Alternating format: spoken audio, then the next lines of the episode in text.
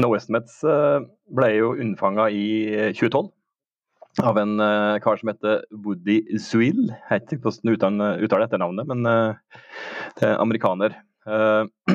Og det han snakka om da, var egentlig et lite team som jobba med en liten applikasjon. som sa at i stedet for å drive og estimere hele dette her, så starter vi med den delen som, som vi tror er viktigst. Og så løser vi den, og så starter vi med det nest viktigste etterpå. Og lang historie kort, så hadde de da en fungerende applikasjon i eh, produksjon i løpet av en uke eller to. Uh, uten å ha estimert og uten å ha gjort uh, noe som helst planlegging. Bortsett fra hele tida å lage det som er viktigst. og så skrev han en, en, bloggpost om det her. Og det var på en måte starten på hele den no estimates-bevegelsen. da. Eh, og Den ble plukka opp eh, av mange eh, forskjellige folk. Noen som endelig så det som en mulighet til at nå skal vi kaste estimater på båten. Og andre som mente at estimering er på en måte kjernen av faget vårt. Og kan ikke slutte med, det, men vi blir bedre på estimering. da, Så det har vært en sånn fortløpende eller langvarig krig da, mellom to leirer og noen i midten der. Jeg sjekka også at vår Marit Rossnes i 2013 hadde en, eh, hadde en lyntale på smidigkonferansen som het uh, 'No estimates hva nå?' Så når jeg så den, så ble jeg interessert. Hun snakka lite om, om, det som Body Swill snakka om. Men snakka mer om måte, motreaksjon mot å ha sånne estimater. så det var i 2013, så nå er vi på en måte ti, nesten ti år tilbake i tid, eller åtte år tilbake i tid. For min egen del så, så jeg foredraget til Woody Swill i 2015, tror jeg, på NDC-konferansen. Eh, og da hadde det kommet litt lengre da, eh, enn bare måtte å, jobbe med, det som er viktigst. Eh, fordi Han snakker fortsatt om det å heller fokusere på å lage software enn å drive og planlegge og estimere. Men de har jobba litt med eh, projisering. Vil si at du jobber bare med små ting. Ting som tar én dag, kanskje, eller to dager maks. Uh, og så uh, prøvde du å si at en stor oppgave kan du dele opp i ti små. Og så bruker du én dag per oppgave, og da tar det ti dager. Så du får på en måte en slags T-skjorteestimering til å begynne med. Da. Du kaster ting i en sånn small, medium, large, extra large-bøtte. som ikke er en, en estimering, men det er ikke en, en nedenfra-opp-estimering som du tenker på det og bruker nok tid på det. Det er å kaste i en bøtte. Og så har du en fast uh, takt. Uh, si at du leverer uh, kanskje tre oppgaver per dag for et team. Og da kan du projisere hva en Excel-feature tar. da. Så Det er egentlig nøkkelen i hele, hele No Estimates-framgangsmåten. At man slutter med sånne detaljerte timesestimater eller storypoint-estimater og jobber med den nedenfra opp. man gjør to ting. For det første så kaster man det i sånne bøtter. T-skjortestørrelser. Small, medium, large, extra large. Og for det andre så jobber man med så små ting uh, man kan, typisk én dag, to dager. Og da får man en takt som man bruker til å projisere uh, totalen. da. Så det er egentlig det No Estimates dreier seg om. da. Og så er det mange ting som måtte ligge rundt der, rundt uh, hvor som ikke estimerer, eller hva, hvor, hvor, lett det estimerer og hvor lett det ikke er, osv. Men uh, kjernen til No Estimates er det det som er greia. da. Mm. Men fordelen med da å gjøre det på den måten der, er at du slipper å analysere ting i detalj? Eller hva? Ja, eller, ja, eller analysen uh, gjør du vel til en viss grad uansett idet du bryter opp ting i mindre oppgaver. Du har et forhold til hva du skal gjøre for noe, hvordan du skal gjøre det, og, og du må bare jobbe for å bryte ned ting i så små, altså én-to dagers uh, omfang. da. Og det, det, er det mest krevende, tror jeg. Det er det som, uh, som jeg har prøvd det her. Så det er det som er vanskelig. Å få å få timene til å faktisk bryte ned ting så smått at, eh, at det blir eh, en dagsoppgave eller to dagers oppgave. Så analysen, analysen, gjør det nok uh, til en viss grad uansett, så den har en verdi. Men den frikobler fra, fra estimeringa. Altså, skal ikke si noe om at det her uh, tar fem dager, liksom. Det er bare en liten oppgave, målet. Men er ikke det ganske likt det man ellers ble gjort i hvordan man lærte estimering i forbindelse med f.eks. Scrum? da? Er at man eh, gjorde en slags uh, planning poker, men det var poeng, eller bamsemomspoeng eller noe annet, da, i stedet for T-shirt-størrelser. Og så konverterte man jo de måte, poengene til timer basert på historiske data. ikke sant? Ja, det er på mange måter så er det en del likheter, men jeg tror hovedulikheten er at uh, man skal dele opp i små ting at det er mulig å ha i hodet sitt, altså en dag eller to. Uh, og så er det ikke brukt for styring. Altså Man bruker ikke det her for å måte, holde utviklerne til en, en uh, commit scope. da, altså I neste to ukene skal vi levere, levere det her. Det er ikke sånn det funker. Og Det tror jeg generelt er farlig med estimater, som bruker det til et styringsverktøy for å, måte, å, å, passe på at du estimerer riktig og treffer riktig. Da er man ute på en galei. da. Så Det er hovedforskjellen tror jeg, fra scrum-tilnærminga. Mm. Men du Reidar, du fant jo opp noe lignende på et annet initiativ, eller et annet oppdrag vi var på for lenge siden? Ja, ja det stemmer. Vi, vi holdt på å si eh, endte opp i en sånn no estimate-verden eh, etter å ha vært gjennom holdt på å si, en liten sånn reise hvor vi startet helt i andre enden. Det var jo ny kunde, nytt oppdrag, litt sånn manglende tillit. Og da er det jo én ting som gjelder, og det har masse tall og måling og styring.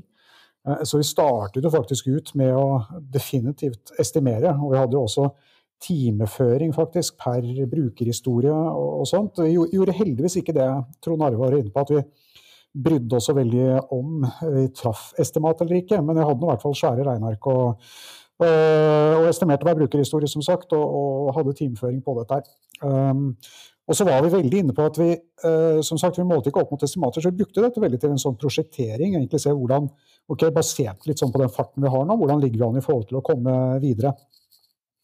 Men det er jo mye hassel Eh, det var mye knot eh, med å ha så detaljert eh, oppfølging. Og en vakker dag liksom, så stilte jeg meg selv spørsmålet, for jeg satt jo, jeg satt jo så selv på dette her. og Jeg brukte jo aldri den detaljerte dataen. Det var jo alltid aggregerte data jeg brukte. Altså sånn hvor mye tid har teamet brukt, og hvor mange story points har vi levert totalt sett.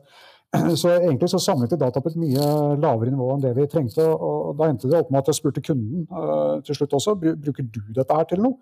Uh, og han skjønte skjønte ikke hva jeg spurte om engang. Liksom. Han hadde i hvert fall aldri vært interessert i, i, den type oppfølging. Så da var liksom første steget nådd, og det var at vi begynte å droppe dette med timeføring. i hvert fall. Men det kom noe veldig interessant ut av det, for da satt jeg på et ganske interessant datasett. Um, og ved å analysere det litt nærmere, så så jeg jo det at um, når vi estimerte sånne storypoints, da, så var det ofte sånn at uh, hvis du tok en gjennomsnittlig åtter, så var den typisk større enn en gjennomsnittlig femmer og en gjennomsnittlig treer osv. Så, så sånn sett så er man jo inne på noe når man estimerer. Hvis du tok en enkeltstory, så så du at den var helt all over the place. Altså Noe som var estimert til én, kunne godt være større enn en åtter, osv. osv. Så, så liksom, vi så at uh, estimatene på en enkeltstory uh, hadde jo veldig lite for seg.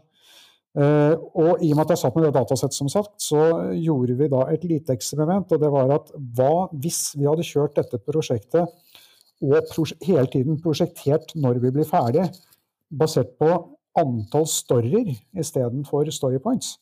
Eh, og så så vi at eh, det hadde gitt oss like god predikeringsevne. Altså den, den, landet liksom på egentlig Vi blir ferdige omtrent sånn pluss-minus samme tidspunkt eh, basert på det. da. Så da fant vi at fremover kan vi ikke da bare prøve å ikke estimere i storypoints, men bare si at nå har vi gjort så mange storyer, og det er så mange igjen. Ja, ok, men da, da er vi så langt i prosjektet. og på den måten så begynte vi å styre de prosjektene. og det ga som sagt veldig eller like god prediksjonsevne, men med latterlig lite data egentlig i forhold. Altså Istedenfor å ha estimater og timeføring per brukerhistorie, så satt vi bare på fire overordnede tall. egentlig. Og det var liksom hvor mye tid har vi brukt totalt sett? Hvor mange storyer har vi levert? Hvor mange storyer er igjen? Uh, det er sånne ting som Det koster jo en kalori å få tak i de dataene, liksom. Og, og, det kan du gjøre en gang i uken, og så har du bra prediksjonsevne. Så så, så, det var liksom veien frem mm. til no estimates fra å komme fra sånn dypdykk i tunge, svære regneark. Da. Så da er det en ting som var viktig, som du var så vidt inne på, Trond Arve. Det, at, det vi merket at vi mistet litt. Grann. Uh, altså fordi når man estimerer, så har man en innmari nyttig diskusjon. Uh, og det er å diskutere løsning. Uh, og så fjerner man estimeringsworkshopen, og da mistet vi den diskusjonen. Så den måtte vi på en måte innføre litt igjen, men da uten at nødvendigvis kom noe tall ut i andre enden. Det å liksom snakke med løsninger hvordan skal vi løse det teknisk, arkitektonisk, funksjonelt, GUI, ikke sant, alt mulig rart. Så det er viktig at en ikke mister sånne ting på veien. Ja, riktig. Jeg tenkte å si at, at eh, jeg satt jo på, på, på, Nav på det her foreldrepengeprosjektet eh, i den tida her vi, når du på en måte drev og fant ut her, eller i etterkant av det der. Uh, og du var jo litt konsulent for meg uh, i den sammenhengen. Altså, vi jobbet sammen uh, med det. for det, der var det jo en veldig sånn fokus på estimering, der man da skulle treffe estimatet. Så hvis man kom under estimat, så var det feil. Hvis man kom over estimat, var det feil. Eh, så vi, der prøvde vi å innføre, eh, når vi la om til en sånn smidig tilnærming der, så innførte vi også da eh, no estimates. Uh, og Det var da jeg leste den boka, da, den Vasco Duarte, som har skrevet en bok om det her. og har Masse prestasjoner på internett. Uh, og når vi snakka om det her, så fant vi ut at du har jo kommet til akkurat samme konklusjon som den, den, boka til Vasco Duarte da, på, på, på No den tilnærminga. Så det var litt artig. Uh. Nei, jeg, bare, jeg tenker i, etterkant av det så husker jeg holdt et foredrag også som hvor jeg gikk litt sånn Eh, bold ut og sa at eh, dersom du estimerer prosjektet ditt, så legger du grunnlaget for å gå på en smell. Eh, av to grunner, egentlig. Og det ene er at altså det er to lover som jeg vet du Trond kjenner veldig godt, og du også, Mutter, for så vidt. Altså det Hofstadters lov og Parkinsons lov. Og det er jo Hofstadters lov er jo den loven som sier at ting tar alltid lengre tid enn du tror. Eh, selv om du planlegger for at det tar lengre tid enn du tror. Eh, og det vil si at Hvis du har estimert et eller annet, så vil du stort sett alltid bruke lengre tid. Ergo en overskridelse, da. Dersom du har estimert noe, og en sjelden gang holdt på å si bruker mindre tid enn det du har estimert, ja, så fyller du opp den tiden allikevel. Og det kalles jo Parkinsons lov.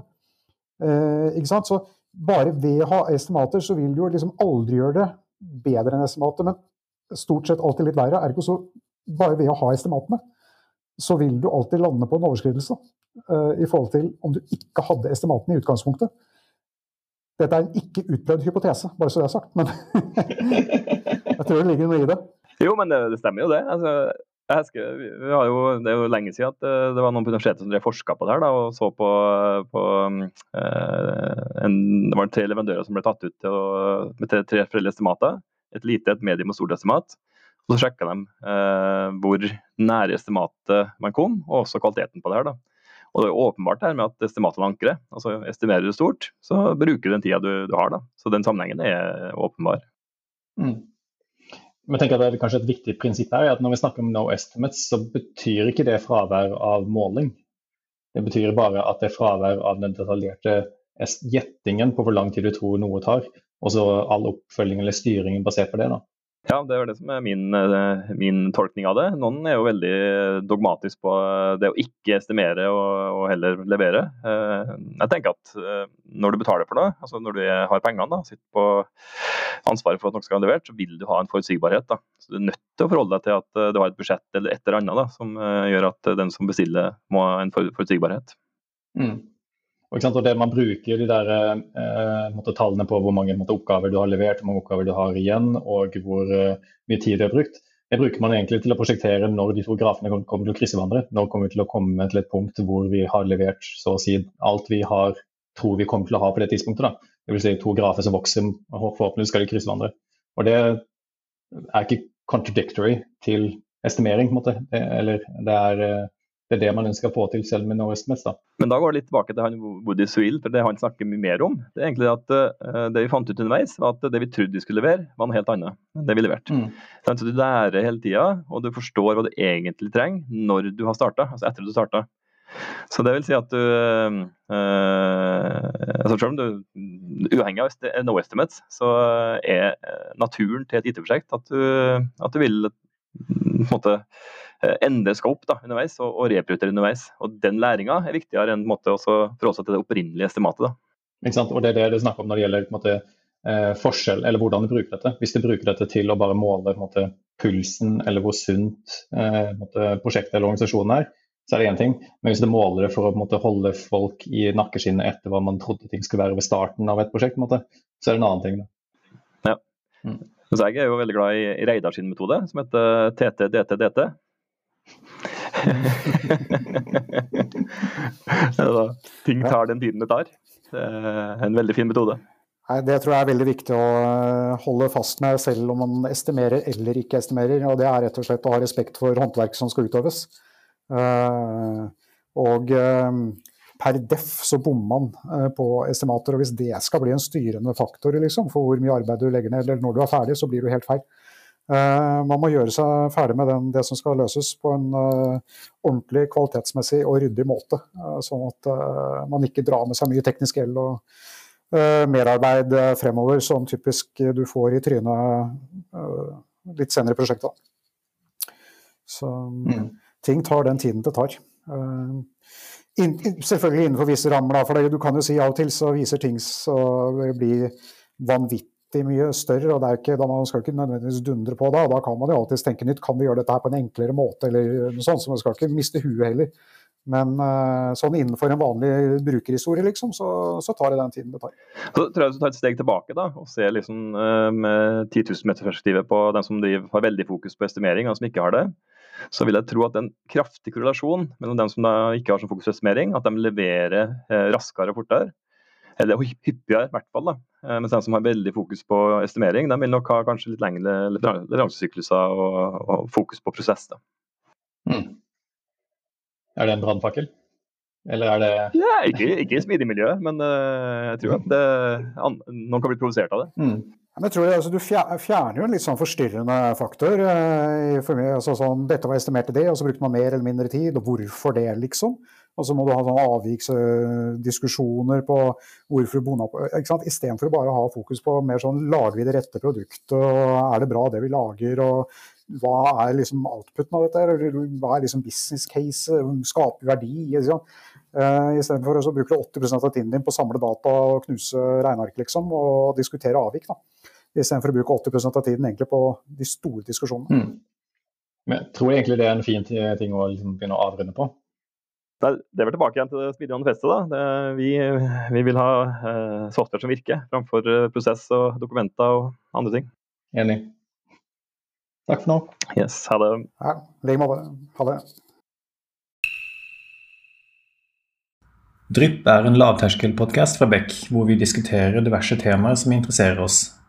Og Hvis du har et tema som du har lyst til at vi skal snakke om, eller du vil være med på en innspilling, ta kontakt på drypp.beck.no.